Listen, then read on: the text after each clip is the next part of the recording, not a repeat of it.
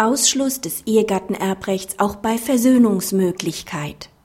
Stirbt ein Ehepartner während eines rechtshängigen Scheidungsverfahrens, ist die bloße Möglichkeit, dass sich die Ehegatten wieder hätten versöhnen können, nicht geeignet, die Voraussetzungen des Paragraphen 1933 Satz 1 BGB entfallen zu lassen. Der Erblasser stellte einen Scheidungsantrag, welcher der späteren Witwe am 26.11.2008 über deren Anwältin zugestellt wurde.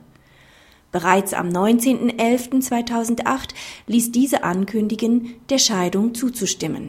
Durch Anwaltsschriftsatz vom 4.12.2008 stellte die Witwe selbst einen eigenen Scheidungsantrag. Der Erblasser führte in seiner Antragsschrift aus, dass die Parteien seit September 2007 innerhalb der ehelichen Wohnung getrennt lebten.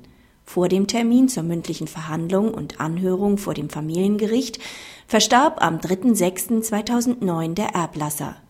Die Witwe beantragte einen Erbschein, der sie selbst und den gemeinsamen Sohn zu je hälftigen Erben ausweisen sollte. Den Antrag wies das Nachlassgericht zurück, weil das Erbrecht der Antragstellerin nach 1933 BGB ausgeschlossen war. Der Ausschluss ergebe sich aus der Vermutung des Paragraphen 1566 Absatz 1 BGB, da das Trennungsjahr bereits abgelaufen war und beide die Scheidung beantragt hatten. Der vor dem Nachlassgericht unterbreitete Sachverhalt dass sogar eine Versöhnung denkbar gewesen wäre, was im familiengerichtlichen Anhörungstermin hätte zu Protokoll gegeben werden können, überzeugte das Nachlassgericht nicht. Die Angaben standen in direktem Widerspruch zu den Darlegungen der Antragstellerin im Scheidungsverfahren. Nach Zurückweisung des Erbscheinsantrags half das Nachlassgericht der eingelegten Beschwerde der Witwe nicht ab. Das Oberlandesgericht stützt die Ansicht des Nachlassgerichts. Laut 1933 Satz 1 BGB entfällt das Erbrecht des überlebenden Ehegatten, wenn zur Zeit des Todes des Erblassers die Scheidungsvoraussetzungen vorliegen und der Erblasser die Scheidung beantragt oder ihr zugestimmt hatte. Die lediglich abstrakte Möglichkeit der Antragstellerin, in der mündlichen Anhörung vor dem Familiengericht den Scheidungsantrag zurückzunehmen oder ihre Zustimmung zu widerrufen, hindert den Ausschluss des Ehegattenerbrechts nicht.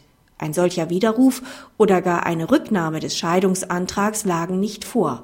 Auch konkrete Anhaltspunkte, dass die Parteien des Scheidungsverfahrens vom Scheidungsbegehren Abstand nehmen wollten, sind nicht gegeben. Wenn das Nachlassgericht den nachgeschobenen Angaben der Witwe, die in direktem Widerspruch zu ihren früheren Angaben stehen, keinen Glauben schenkt und dies mit nachvollziehbaren Erwägungen begründet, ist das nicht zu beanstanden, da das Nachlassgericht sein Ermessen pflichtgemäß auch durch Beiziehung der Akten des Familiengerichts ausgeübt und die Grenzen seiner Ermessensausübung nicht überschritten hat, ist die Ablehnung des Erbscheinsantrags nicht zu beanstanden.